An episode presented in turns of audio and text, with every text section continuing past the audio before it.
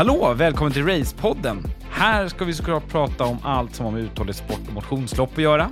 Och idag har vi den stora äran att ha ingen mindre än Miranda Kvist med oss. Hej Miranda! Hej! Hur är läget? Det är bra! Ska jag skrika varje gång jag svarar? ja, det kan du göra. Det är bra. Ja. Hur mår du då? Jag mår jättebra tack. Det här är ju helt fantastiskt att sitta här i poddstudion med, med en Ladan-kompis. Ja, jag är sjukt taggad över att få vara med i podden. Mm. Eh, när du frågade så blev jag väldigt glad och eh, självklart så känns det som att eh, trail, eh, trail-avsnittet inte kan göras utan mig. Exakt, så är det ju faktiskt. Det är helt fantastiskt. Du, eh, du får helt enkelt köra din hisspitch själv och berätta vem du är.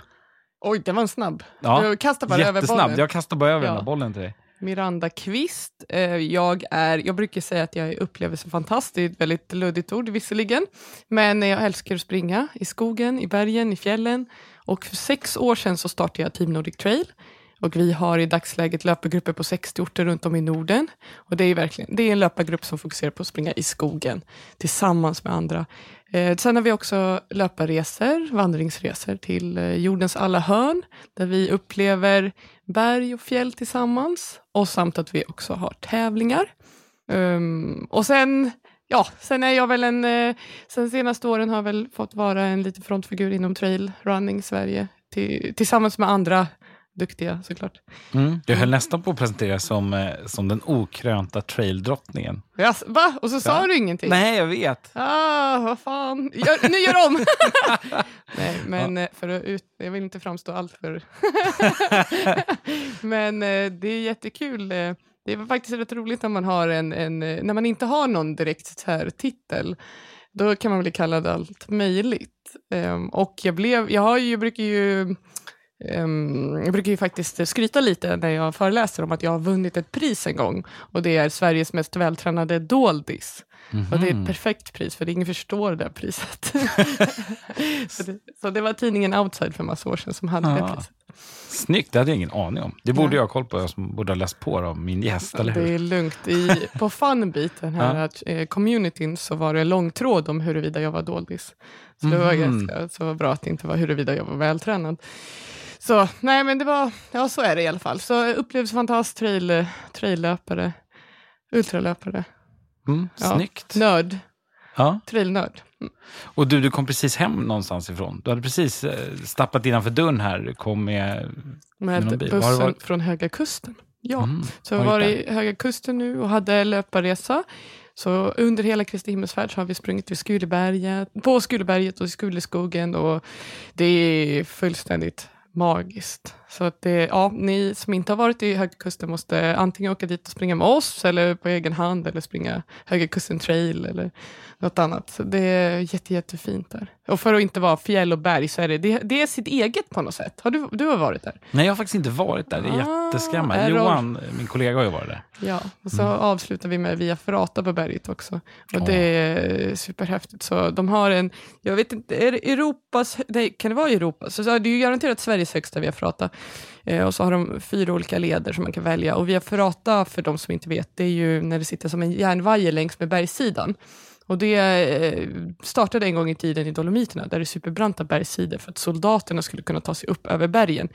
Och det gör i alla fall att man är 100% säker och kan ta, liksom verkligen klättra på branta bergssidor som man i vanliga fall aldrig skulle kunna göra. Utan man sitter 100% säkert och får värsta adrenalinkicken.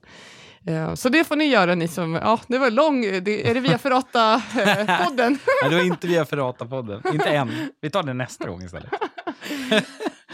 Du, eh, jag tänkte så här, i det, i det här poddavsnittet ska vi snacka ecotrail. ja, Men innan vi kommer dit Ja. så eh, tänkte jag att vi skulle snacka lite mer om, om dig, bara lite kort. Och vad, eh, vad som har drivit dig, liksom, historien till att bli den här trail-tjejen som det ändå är och, och ansiktet till trail. ja Kan du berätta lite om den? det är egentligen alldeles för lång historia för en kort podd. Men Försök att ta det I, i korta ordalag. Nej, men jag var ju riktig asfaltsnörd för massa år sedan. Jag är ju asfaltslöpare i grunden och har varit eh, super Alltså jag är supermycket asfaltslöpare vill jag säga. Jag klickade in eh, 365 mil 2011 när jag, när jag var som mest ultralöpare och tävlade på SM på 100 kilometer asfalt, 14 varv runt Tibro, 7 km bana asfalt eh, och har gjort alla stora asfaltslopp i, i Sverige.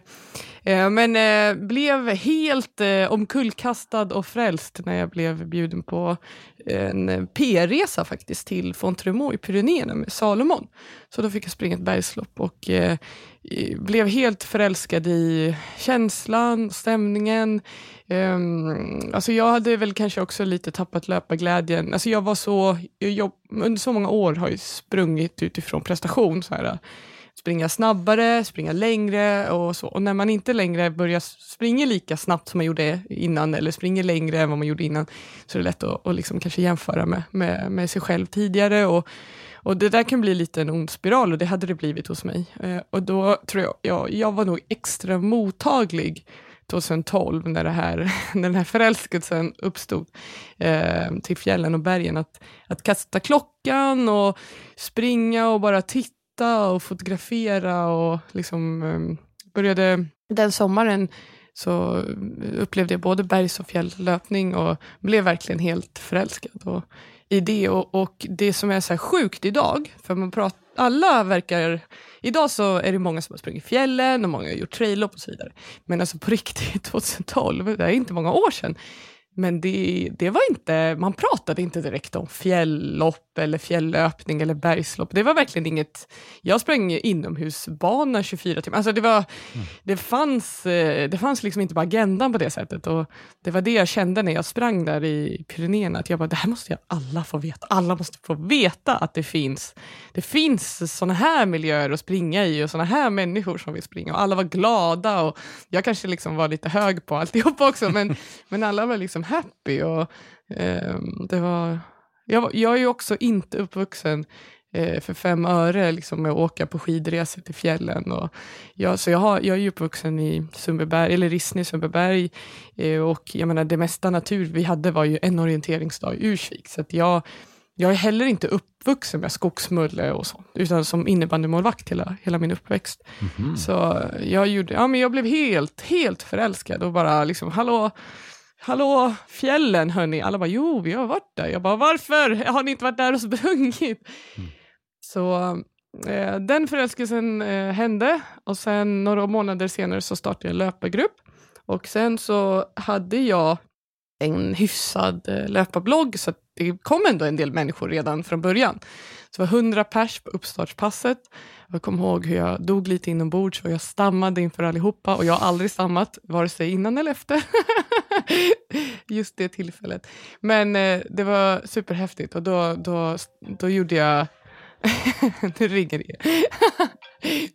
Nej, men då så gjorde vi trailpaketet. Så jag, jag ringde några kompisar och frågade om de ville vara löparledare på våra löpar, löppass. Och sen ja, så sa de ja. Och det var väldigt liksom, inte så strukturerat. Det var liksom inte så genomtänkt. Det fanns ingen affärsmodell. Det var liksom, verkligen någonting jag gjorde bara helt vid sidan av mitt, mitt vanliga jobb som inköpare. Mm. Snyggt. Ja. Härligt. Ja, vilken otrolig historia. Och idag är ju Team Trail, är det Nordens största? Ja, det skulle jag tippa på att det är. Ja. Eh, det, idag är det ju, ja, det som hände sen var ju egentligen att jag sa upp mig och levde på sparpengar i massa år mm. och tyckte att alla skulle bli skogstokiga som jag. Och sen så startade jag upp massa... Men det roliga var att jag hade nog inte tänkt att jag ska starta löpargrupper i hela Norden. Det, alltså det, var in, det fanns ingen sån strategisk plan. Utan det var någon kompis hörde av sig från Jönköping och någon kompis hörde av sig från Göteborg. Och, alltså det var verkligen så det började. Så jag bara okej, okay, absolut. Jag skickade lite ledarvästar och, och visselpiper. Och, Sen så, sen så blev det ju mer liksom en organisation kring det när man började, alltså, när det blev 15 grupper och sen började jag göra, jag gjorde, började också göra resor just för att jag tyckte att nej men nu måste alla testa fjälllöpning. Det var liksom inte en, en tanke att jag måste ha en resebyrå. Och så där har det hållit på, det, det, är alltid, det har liksom trummat på. Sen, eh, sen såklart i, i det läget 2000, vad blev det, årsskiftet 2015-16 när jag eh, tog in mina första anställda och skaffade kontor, då eh, blev det ju såklart Team Nordic 2.0. Så nu har vi ju såklart en helt annan, nu är vi i dagsläget är vi ju eh, 60 grupper runt om i Norden, såklart att det kräver sitt engagemang och har 50 resor i år. Eh, Utan tvekan störst inom traillöpningen i Norden.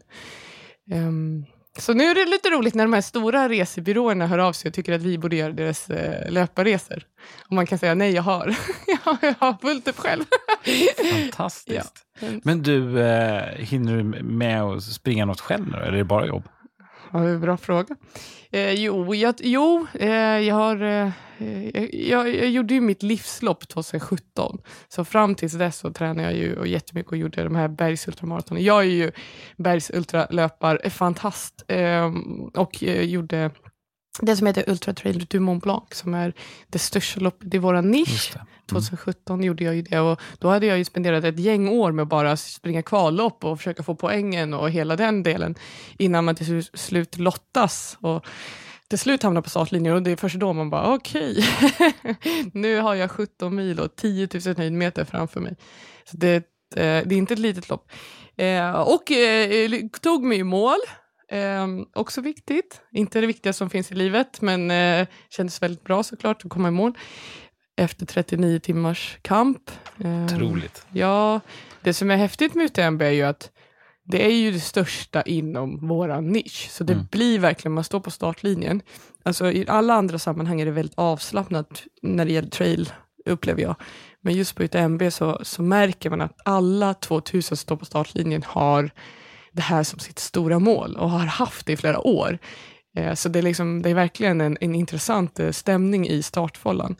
Eh, verkligen mycket nervositet. Och sen av oss 2000 som står där, är ju väldigt, alla är ju väldigt förberedda.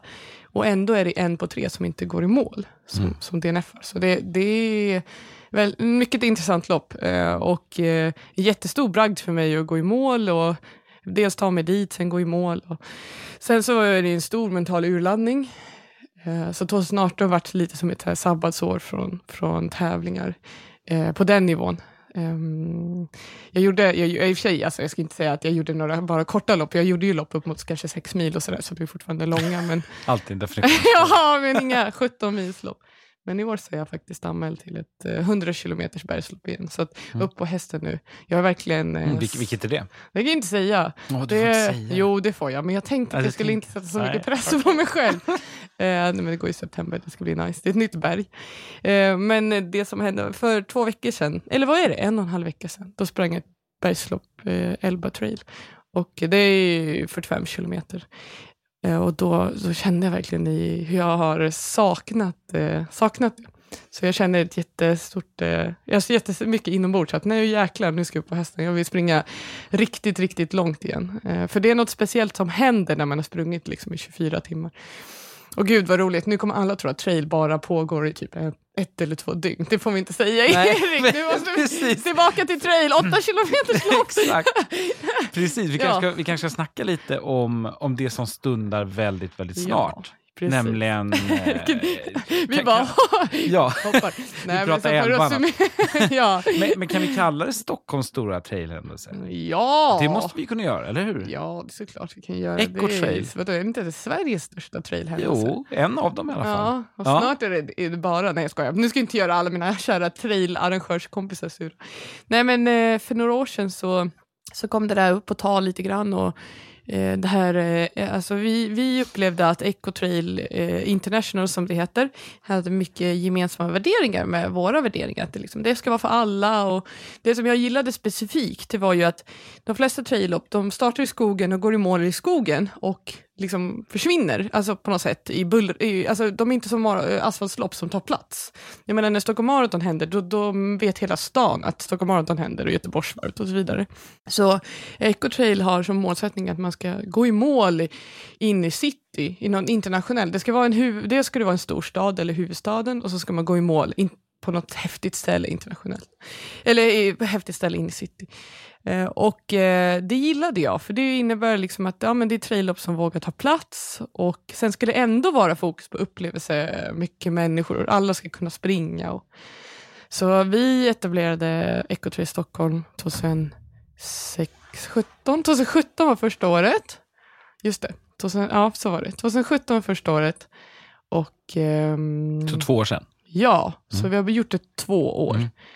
Um, och uh, vi fick, uh, vad blev det, 600, 600 löpare första året, vilket är helt okej, liksom om man tänker på att vi, ja, det är ett första gångslopp och så vidare. Uh, men alltså sen, ja, vi har lagt så mycket tid och energi och vi, vi brinner verkligen för ekotur. Jag tror, jag tror folk som följer oss vet hur mycket vi brinner för det här loppet. Varje dag tänker jag på ekotur, året runt. Så i år är det min förhoppning att vi ska nå 17 eller 1800 löpare. Loppet är ju och, på lördag, inte den här veckan, men nästa vecka. Mm. 15 juni. Ja, precis. Vi, spelar in det här lite tidigare när det kommer att läggas ut. ja, just det. 15 juni. 15 juni! Precis, 15 ja, mellansteget juni. 12 juni. Ja. Men, det är, men det är ett superhäftigt lopp för vi har gjort det jäkligt svårt för oss själva så här arrangörsmässigt. Nej, eller snarare så här, omformulering. Vi har gjort det fantastiskt lopp för löparen och jättesvårt för arrangören. Så vi, vi har ju start och mål på olika ställen. Så man startar ju Stora Skuggan, ehm, 16, 32, 45 och 80 kilometers distanserna. Och så loopar man ut från stan. Så att eh, de som springer längst loopar ju hela vägen bort till Törnskogen. Och sen annars är det ju Ursvik och Järvafält och så vidare. Så kommer man tillbaka Mm. till Stora Skuggan. Och sen därifrån springer man ju in mot city via Gärdet, Kaktusskogarna och sen till Kaknäs. Och där startar också 8-kilometersloppet. Och sen springer man via, eh, ja, men på Södra Djurgården, Hundudden och så vidare, eh, bakom Rosendals trädgård. Och så går man in mot city och så går man i mål i Galärparken. Så att vi har ju tre arenor och vi har 10 mil snitts, eh, alltså fina små stigar att snitsla upp på, på ett dygn. Så att det, det, det, är en, det är en stor insats liksom ur arrangörsperspektiv. 150 vägövergångar. Eh, men, men det, är så, det blir sånt jäkla häftigt eh, lopp för löparen. Så det är loppet som jag egentligen hade velat springa men inte får. Mm. Tror du att du någonsin kommer få springa? Mm, Alltså du vet, jag är ju speaker. Mhm. Och för jag måste ju vara speaker från 07 på morgonen till 22 på kvällen och vi har inte råd att ta in någon annan som ska prata så många timmar. Eh, bara för att jag prompt ska springa loppet. Nej, jag skojar bara. Jo men, man, jo, men det är såklart någon gång ska jag väl springa. Nej, sen har vi ju, alltså nu är vi inne på nörd, nu är det här ju en tävlingspodd så nu kan man ju nörda ner Exakt, sig. nu vi får tillåtelse att. Ja, så vi har ju, så dels så har vi försökt lägga in så många så här, skogsområden i Stockholm som möjligt och samtidigt ha så lite asfalt som möjligt. Det finns ju liksom, det, ju, det vi pratar enstaka procent av loppen är ju asfalt. Ja, men precis. För marknadsföringen är väl ungefär vad är det, 80 procent, eller är det till och med mer? Kanske? Ja, enligt liksom riktlinjerna för Ja. ecotrail så är det 85 procent. Det måste ju 85% vara liksom, trail eller eller. Mm. grusväg och så vidare. Men om man jämför, jag har ju sprungit 80 km loppet i Paris och då släpps man ju av 8 mil från Eiffeltornet så går man i mål i Eiffeltornet. Det är Mm. superhäftigt men det är också liksom en, en helt annan, det är en stor stad i en annan nivå så att de sista kilometrarna blir liksom asfalt för att det finns inget alternativ. Nej. Men här är det verkligen, vi har ju, vi har inte bara att vi inte har asfalt, vi har ju verkligen fina stigar i centralt in i city. Alltså magiska fina stigar. Och sen, som sagt, vi är eh, nördar, så vi har ju till och med, så här, ska vi välja den stigen eller den stigen? Alltså vi, varje, Robin som är tävlingsledare eh, och eh, ansvarar för de här pusselbitarna, han är ju också Ja, han är ju värre än vad jag är. Alltså, han är ju verkligen liksom, varje stig är, så här, är, är handplockad. Han är stignörden. Av tio mil liksom. Så, ja, han- ja, det är verkligen så. Nej, men så, jag vet, eh, så vi vill verkligen skapa, det, dels ska det ju vara liksom det mest fantastiska stigloppet. Bara liksom upplevelsen kring, på banan ska vara magisk och den ska gå att jämföra med loppen som går utanför. Jag menar, vi är ändå Stockholm. Man måste ju ha, ja, liksom, man måste också tänka på att vi är ju Stockholmslopp eh, som ska gå i mål in i city. Så att, och utan att, liksom, ja, Ja, men det, och, och trots det så är det verkligen en stor löpupplevelse. Sen så tycker jag ju om allt runt omkring, att liksom ha tre arenor. Jag tycker att det är coolt när man går i mål så får man en helt unikt producerad medalj eh, och att, man, att det, man möts av fyra kockar som står och lagar mat. Alltså alla de där eventgrejerna också är viktiga för mig. Så det, det, det, det är det kompletta som, ska, som jag tror gör att vi varje år nu, vi ligger ju 78 procent eh, plus i anmälningsläge mot föregående år. Häftigt. Ja, och jag tror att man förstår att vi, jag tror att det skiner igenom Mm. hur mycket vi bryr oss och vill skapa något superhäftigt. Mm. För ni har lagt till en distans i år, eller hur? Ja, varje år så har vi lagt till någonting. Så första Okej. året hade vi inte den kortaste. Så nu är vi 8, 16, 32, 45 och 80 kilometer. Och på åttan så kan man välja med eller utan tävlingsklass. Alltså Mm, säga utan Mm. tidtagning också. Eller det roliga är ju att första året hade vi 16, 45, 80. Alla bara nej, och 16 är för långt. Bla bla. Okej, då ska vi över 8, 16, 45, 80. Nej, det är för långt mellan 16 och 45. Alltså det är så här verkligen, man bara åh okej, man ska lyhörd till alla. Och sen oavsett hur många distanser vi kommer ha är det alltid någon distans som saknas. Men eh, så nu är det egentligen bara, det är väl bara det där lilla eh, mellan 45 och 80 så, men vi får se. Det, det är kul att det är så, det är, dels är det spridda skurar eh, mellan de olika distanserna. Och jag, jag gillar den här podden, det är verkligen nördigt, man kan diskutera Ja, tävling. kör på. Ja, men, det, det är väl, men man märker att 32 km-klassen är eh, den nya klassen i år är väldigt populär. Och det är kul att ha, liksom, jämföra lite, eller liksom hit, göra en klass som kan eh, ja, men relateras lite till Lidingöloppet. Det är liksom ungefär samma distans och det så kan eh, ja, inbjuda lite konkurrens till det loppet. Man kan ju springa båda på ett år, men ändå kul att jämföra. Men eh, sen tror jag det blir ett av de största 80 km-loppen i Sverige också. För vi kommer ju att ha över 200 löpare på den klassen. Eh, men, men min målsättning är, alltså på Ecotrail Paris på 80 km-klassen, då var det ju 2000 löpare. Ja, ja, ja, och det är rätt häftigt att starta i ett fält. Man tänker att man startar i ett, verkligen gigantiskt fält. Och så ska man alla springa så långt. Alltså det, det, det finns inte i Sverige idag. Sen är inte min målsättning att alla ska bli 80 km löpare, men det är mer att det är kul att se folk eh, spränga gränserna för vad som är möjligt att göra. Sen är allt okej. Man kan springa 8 eller 80, alltså, bara man springer. Mm. Annars får man vara funktionär. Ja, ska din mamma springa? Nej, hon är Ja, hon är funktionär. funktionär. ingen. Det finns en plats för alla någonstans. Ja, precis. Nej. Exakt. Mm. Snyggt. Du, vad har du... Eh, jag tänkte lite så här, vi skulle fundera lite på dina bästa tips här Inför lopp. inför, inför loppet, Ecotrail. Har Okej, du några ja. såna här eh, gömda eh, Ja. Detaljer som man ska tänka på extra? Det är klart, det är väldigt spännvidd mellan 8 och 80 kilometer naturligtvis på, beroende på vad ska. Men du har ju ändå testsprungit, du är med i arrangörsgrupper och hänger med Robin. Så jag tänker, någon, någonting där måste ju finnas. Vad ska man Ja. tänka på? Så dels har jag ju tävlat i 14 år. Allt från 3000 meter till eh, 17 mils bergslopp. Så jag har, jag har gjort, jag har Mm. Har gjort alla, jag har gjort precis alla misstag som alla Ja. kan tänka sig. Ehm, men sen är det ju såklart, det är lite olika såklart, vilket lopp, vilken distans man ska göra. Men vi kan väl dra lite, ska vi dra lite exempel? Mm, exempelvis? Säg att man ska klara av 80, 80 kilometer Mm. eller 45 kilometer första gången om man inte har sprungit eh, kanske bara hälften innan. Eh, då, då skulle jag eh, verkligen ge tipset att man, man ser till att man eh, har tränat på den energin som man har med sig. För här måste man ha med sig lite extra energi i ryggsäcken. Så att Mm, man ser Får till, man energi på vägen? Ja, vi har flera vätskestationer. Men, men, de, men det är också delvis självförsörjande lopp. Alltså det, det har ju en hållbarhet och miljöfokus. Det ska inte vara överdrivet av allt. Utan det, det finns, eh, till exempel första stationen på 80 är efter 20 kilometer. Så att man har också till, till viss del även sitt eget ansvar. Ehm, men eh, eh, jätteviktigt att så här, inte bränna ut sig för hårt. För om det bara handlar om, liksom, inte bara, men om det handlar om att ta sig över mållinjen, då, då är det viktigt att så här, spara på krafterna i början på loppet. Alltså är man ute och ska göra distansrekord med flera mil, då, då gäller det att spara på krafterna. Och sen möjligtvis liksom våga ta i lite mer efter en, eh, man har gjort en tredjedel in på loppet och sen efter två tredjedelar, då har man ju verkligen råd att bli trött.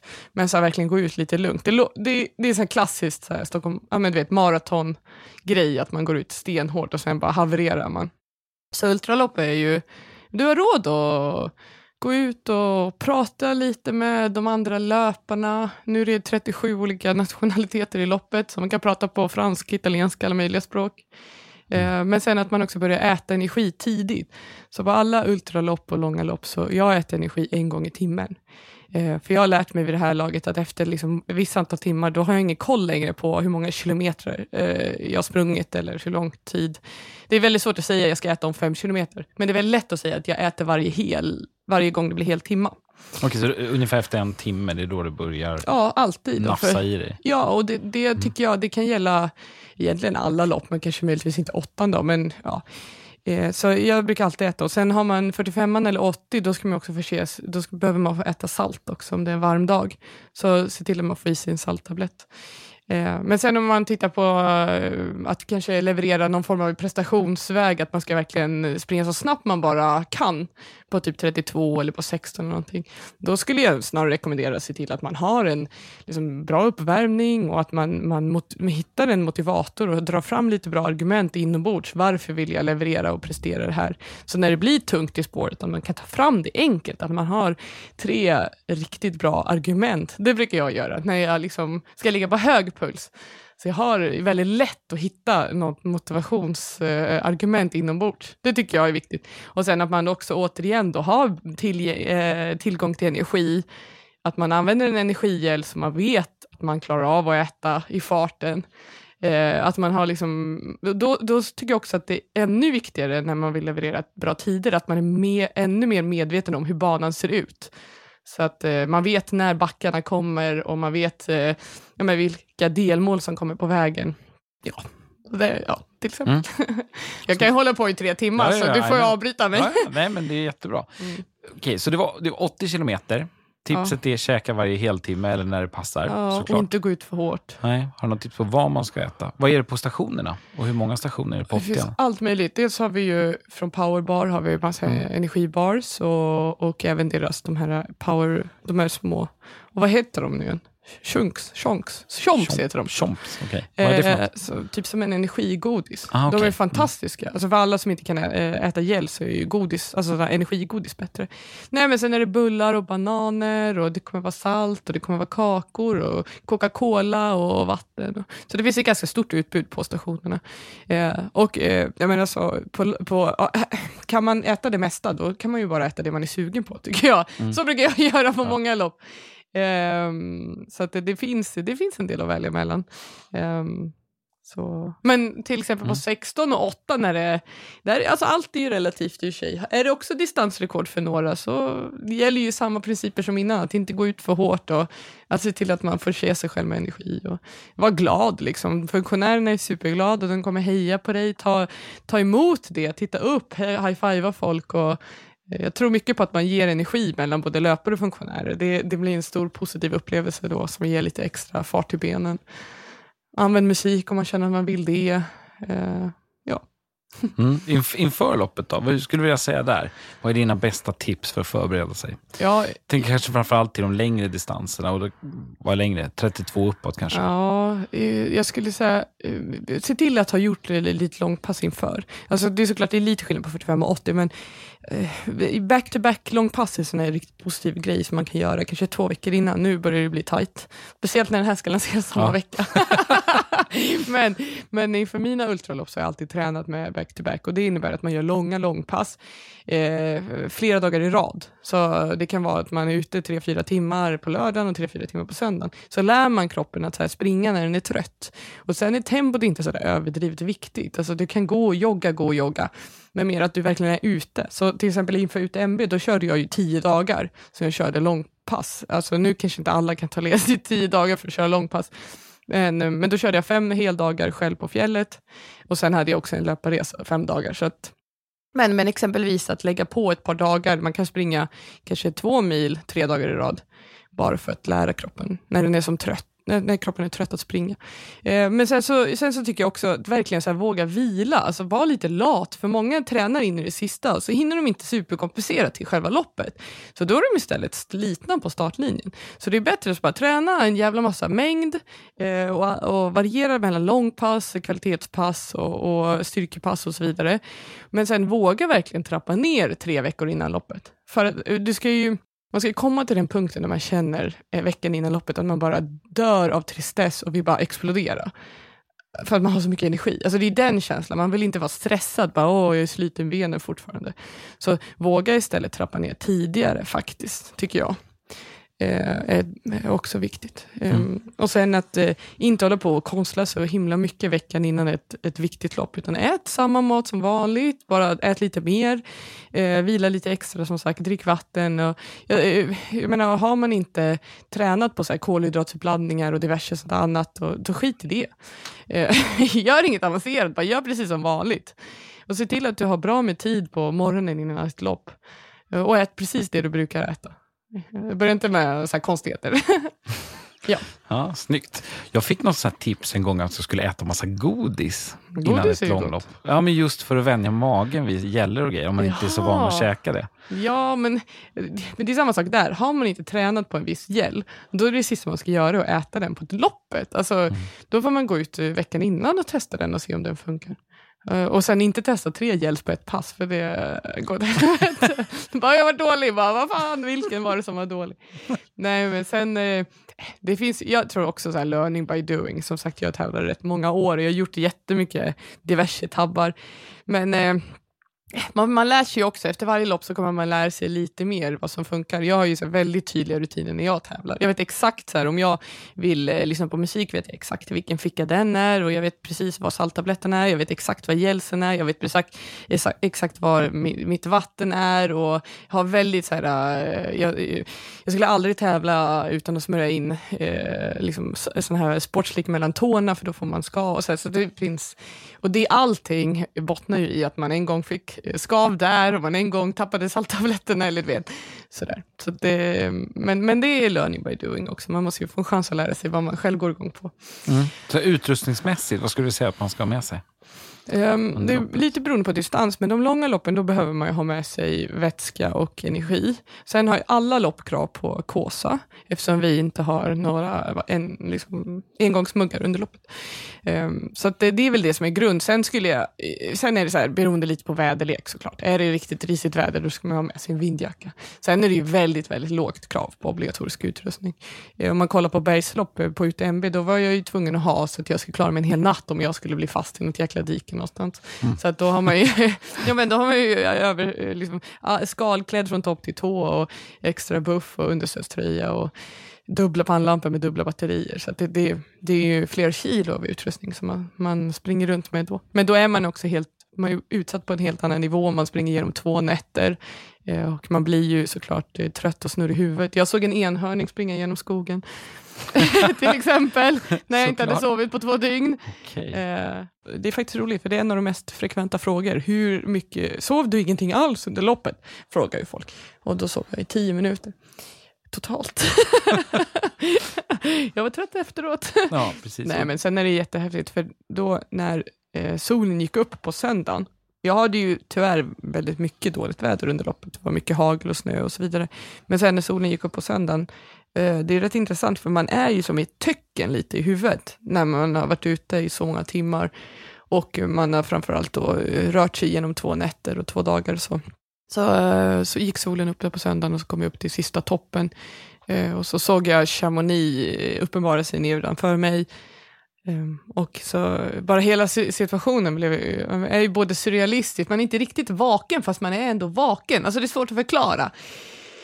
Sen fick jag springa ut för i sju kilometer och det tog en, det tog en evighet. Eh, men, men jag minns väldigt väl känslan ehm, för just fotisättningen uppför och utför. Då, då, antingen sätter man ju foten uppför eller utför. Så höll jag på så här utför, utför, utför tills jag fick sätta foten alltså verkligen på platt underlag. Och då kommer jag ihåg hur det bara blixtrade eh, och hela kroppen bara vaknade till. För det innebar ju att, och så tittade jag upp så såg jag byggnader i, i min höjd. Så det innebar ju att jag hade kommit ner till Chamonix. Och så, så såg jag en funktionär som, som eh, och så frågade jag hur långt är det kvar och han sa en kilometer. Och man bara, en kilometer! Wow, hur var känslan då? Nej men det var häftigt.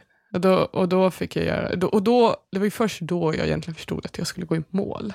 Så då fick jag göra ett, eh, ett ärevarv runt hela stan som man gör sådär. Och sen var det här söndag förmiddag och all, alltså hela jäkla staden var bara ute och hejade och min mamma och min sambo var i målområdet och massa svenskar som jag känner, alltså massa vänner och och så jag grät på vägen in mot mål och så ser man bara plötsligt målportalen. Och så det är faktiskt häftigt för det är lite som min dröm när man, man tänker tillbaka på det. För man, man är också så sjukt trött att man inte riktigt är med fast man är ändå med. Det är jättespeciellt. Eh, men jag tror, eh, ja, varför jag gör sådana här saker det är ju för att jag känner så mycket känslor under de här loppen. Alltså jag är så mycket närvarande i situationerna. Eller jag, är- jag är så bortkopplad från resten av världen. Och så får jag känna mig helt euforisk och känna mig superstark och odödlig och i nästa stund känna mig helt paj och tragisk. och så går det lite upp och ner under resans gång och sen få känna eh, lyckan av att faktiskt nå mållinjen som man har satt upp. Tror, tror du att det är det som, som driver, för det är ju väldigt, alltså säg 80, nu är det här ännu längre naturligtvis, det här är ju jätte, jättemycket längre. Är det det som driver dig, just de här höga topparna och djupa dalarna? Ja, det, det tror jag verkligen. Det, för mig är det lite som, jag vill inte säga att det är som en semester från övriga livet, för jag älskar övriga livet, men det blir ändå en stor, eh, det blir en stor känslomässig upplevelse eh, som man minns. Eh, och fysisk urladdning. Och jag tror att eh, jag behöver lite det. Att ibland få känna mig så trött, du vet, och ibland bara få känna mig så lycklig. Och det är verkligen något speciellt som händer med en, både mentalt och fysiskt, när man har varit ute i 10, 12, 15, 20 timmar. Och man upplever alltid nya saker. Eh, och, och sen är det ju såklart häftigt att se var ens gränser går både mentalt och fysiskt. Men, men äh, det, det är häftigt. Äh, så det, det, finns nog väldigt många olika anledningar till att jag, jag gillar det här. Äh, men, men, sen, du vet ju det också, det är kul att sätta mål och nå dem. Mm. så det finns många argument varför alla borde göra lite ultralopp om, om kropparna tillåter. Den lilla detaljen, om kroppen tillåter. Ja, eller göra andra saker, alltså mm. sätta upp andra mål. Men, men eh, i grund och botten handlar det om att, att ställa sig på startlinjen, det är A och O. Det är det svåraste av allt, faktiskt. Mm. Är, skulle du vilja säga att det här, det här som du beskriver låter helt fantastiskt. Är det din häftigaste loppupplevelse? Eller har du... Det är utan tvekan min häftigaste loppupplevelse. Mm. Och då höll den också på i 39 timmar. Mm. Och det är ju så otroligt både lång och kort tid. För om vi började springa nu, skulle du tycka 39 timmar, om 39 timmar, vad är det nu? Det är måndag eftermiddag. Ja, precis. Ja, då ska vi ju gå i mål någon gång på, söndag, på onsdag, inte mm, söndag, onsdag. Inte onsdag. Ja, och det är ju sjukt länge att tänka att vi ska röra oss till på onsdag. Men sen i det stora hela, i livstid, så är det ju väldigt kort tid. Alltså, ja, så det, är, det är lite olika. Men eh, det är min hittills största loppupplevelse. Sen finns det ju väldigt mycket andra spännande saker att, att göra. Eh, men, eh, men ändå roligt att, i och med att det är verkligen the shit, alltså i våran nisch, så eh, folk frågar ju verkligen, ja, men vad ska göra nu? Du har gjort allt. Så det, det är som att det inte finns någonting annat att göra nu. Jag kan lägga mig ner och bara... Nej, vi får se. Jag, jag har några, det finns några andra lopp som är spännande. Och andra upplevelser. Det behöver inte ens vara lopp. Det finns så mycket sjuka, upp, alltså sjukt coola upplevelser att göra. Mm. Vad, vad, oftast är det så att man flyttar fram den där drömmen när man väl har uppnått en dröm. Alltså, mm. så. Har du någon sån dröm nu som du spanar på eller är det lite oklart? Ja, det är faktiskt lite oklart. Jag har ju som sagt anmält mig till ett nytt lopp i år. Mm. Så det skulle bli väldigt som du inte vill säga vilket det är? Nej, men, jo, men det är ju såklart att jag kan säga det. Men ja. min plan var ju lite grann att jag skulle liksom känna efter lite mm. Eh, innan jag gick ut med det. Men eh, när det kommer till liksom loppupplevelser eller löpupplevelser generellt sett, det finns ju, jag har alltid drömt om att springa liksom genom Sverige och sådana saker. Och det är sånt som jag lite skjutit på till förmån för TNT, eller på grund av TNT. För TNT har vuxit så det knakat, så jag själv har ju lagt ner mer själ och hjärta i det och inte liksom prioriterat min egen löpning. Så där skulle jag vilja kanske ja, men komma tillbaka lite och prioritera min egen löpning lite mer. Men så det finns, det finns saker, alltså det finns så mycket, mycket svenska fjällen och andra bergskedjor jag skulle vilja springa. Men jag har, nej, det finns inget så superkonkret eh, äventyr eh, just nu i mitt huvud. Det är jättehäftigt, men UTMB var ju det i fyra, fem år. Sen när jag väl nådde det, så jag är inte så här, det är ingen posttraumatisk stress här efteråt. Jag är ganska avslappnad kring att jag gjorde det och kom i mål. Mm. Men eh, jag lovar att säga till när jag, när jag hittat något nytt. Det finns ju ett coolt lopp som går över en ö utanför Madagaskar som heter Doranes diagonal. Och det är ju ett 17 milslopp som också är liksom genom djungeln. Och, ja, det skulle vara häftigt att göra. Mm. Exempelvis. Det, ja, det, men det lockar nog. Då känner jag så här inombords att det skulle jag vilja göra. Mm. Men du, om, om vi har pratat ganska mycket om 80 kilometer, 160 ja, nu får vi och så vidare. Lite om vi backar band, tänker ja. så här, du, du, började med trail, då var du ändå en ganska etablerad löpare, du var duktig, så du, du tävlade till och med. Men om man vill börja med traillöpning, vad skulle du ge dina bästa tips där? För de som kanske inte riktigt har, har tagit steget än, eller kanske bara testat på någon gång? Ja, oavsett egentligen om man är löpare sen innan så tycker jag att man kan hoppa ut i skogen. Alltså det är man skiter i klocka, skiter i allting. Man bara går ut och jogga och, och gå liksom. Eh, allt eftersom. Så det, det, det, löpning är en ganska intressant sport, att många hatar löpning. Eh, och sen har vi de som verkligen så här, älskar löpning och brukade hata löpning. Så det, det finns en tydlig eh, tröskel att ta sig över. Ehm, men jag tror till, till en början så tror jag att många, man, löpning är helt okej att vara dålig. Alltså det, det känns som att det är okej att vara dålig på att åka skidor eller eh, golf och så vidare. Och då kan man ta lektioner. Men, men löpning är mycket sådär, man går ut och så är man dålig. Man får inte vara nybörjare, förstår du vad jag menar? Alltså att man måste acceptera att det är inte är så lätt att bara börja springa. Så det är okej att gå ut och tycka att det är svårt och jobbigt. Och så får man gå ut igen och testa. Um, så man får vara nybörjare även i löpning. Man är, kan inte bara vara dålig och bra. Liksom. Uh, det, det, är väl det första. Sen, sen ta en slinga, antingen i elljusspåret eller en annan slinga, så, så kan man testa att springa där. Och när man tycker att man bemästrar underlaget, då kan man springa kanske där det är lite mer obanat. Och det, det är ju så spännande med just eh, traillöpning, är att man blir per automatik lite bättre, man får lite bättre teknik, för man tvingas aktivera hela kroppen. Springer man vid, på trottoaren, då, då kan man slapp, alltså då, folk lutar sig tillbaka och tar stora steg. Och, eh, I skogen måste du kanske ducka för någon gren och du måste ha korta lätta steg och trippa lite mellan grenar och sådär. Så att eh, också där att försöka jobba mycket med att ta lite kortare steg och ha eh, tyngdpunkten lite mer på främre delen av foten och tänka lite mer snabba fötter och parera lite grenar och sådär. Um, ja, använda kåren och balansen. Du, du, får ju himla mycket mer när du springer i trailen.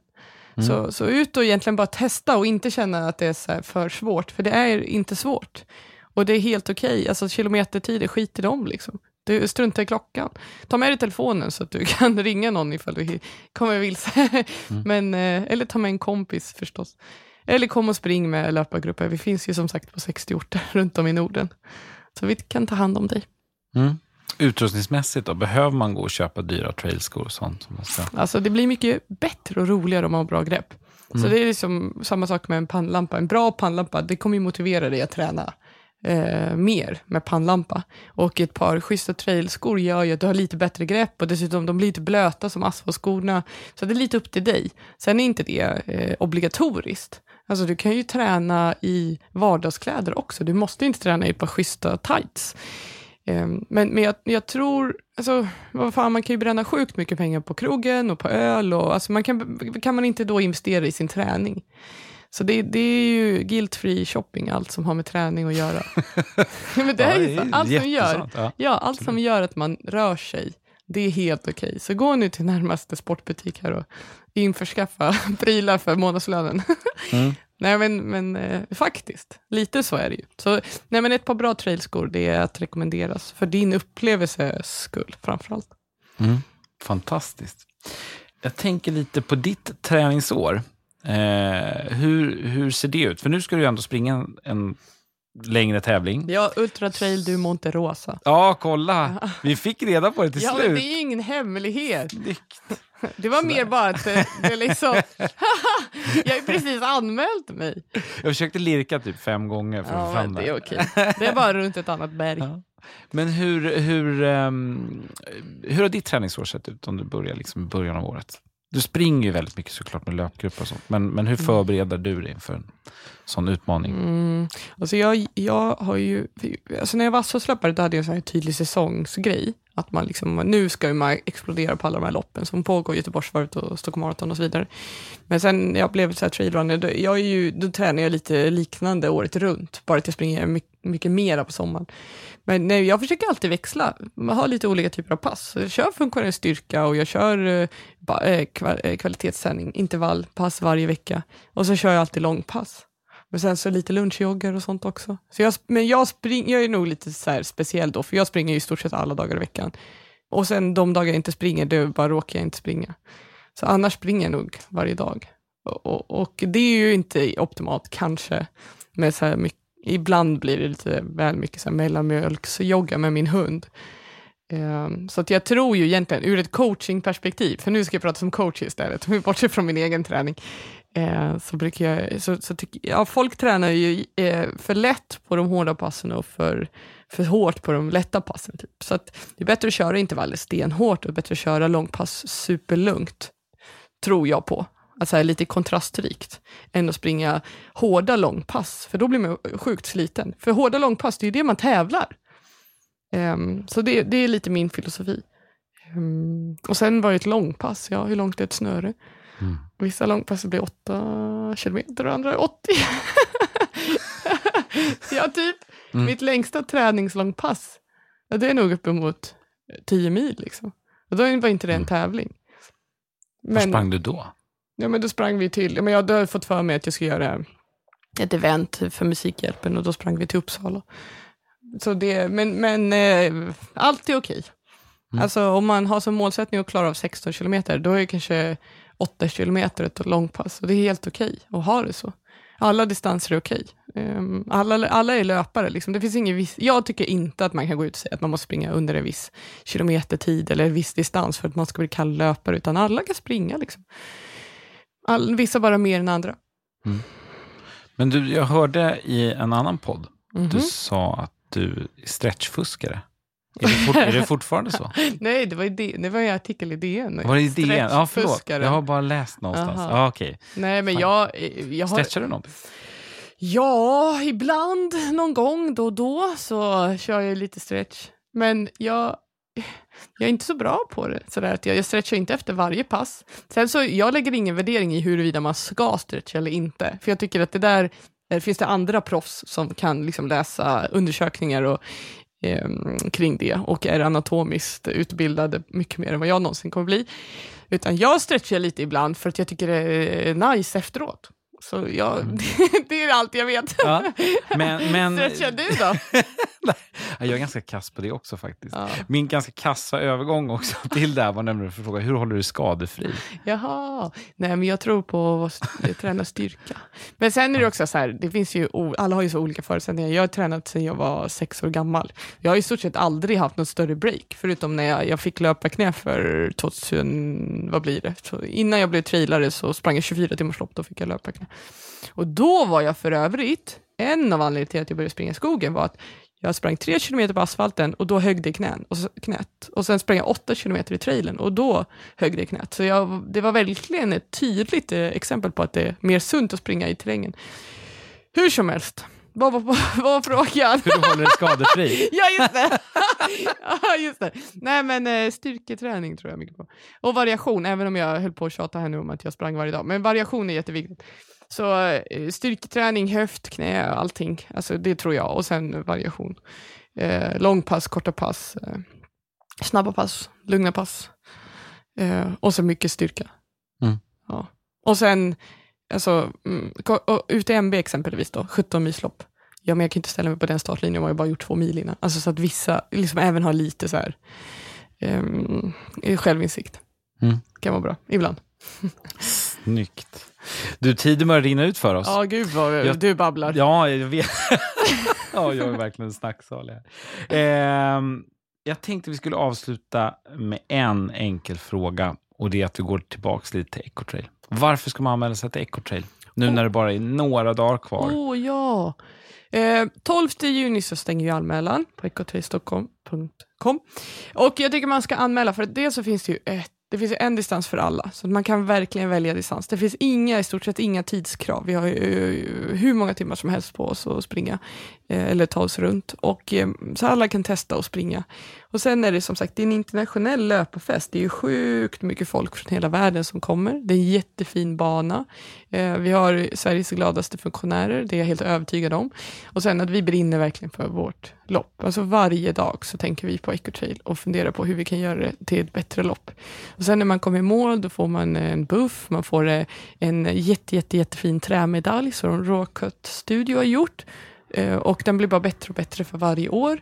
Och sen så har vi även några av eh, Sveriges bästa kockar som står och lagar mat också i målområdet. Man får vegetarisk mat såklart eftersom vi är miljölopp. Eh, och eh, nej, men så i det stora hela, det är, liksom en, det är en bra löparfest. Och det är både kombinationen av att vi har liksom kul innan loppet, i startområdet, vi har kul under loppet, vi har kul efter loppet. I målområdet kommer det finnas både att man får, ja, man kommer få en bärs också, och så får man mat, alkoholfri bärs, alkoholfri bärs, och mat, men så kommer det finnas liksom eh, massa partners där och man kan köpa glass. Och, alltså det, vi vill ju skapa en upplevelse där man, man kanske hänger i liksom i kretsarna eh, lika lång tid, om inte mer tid, både innan och efter loppet.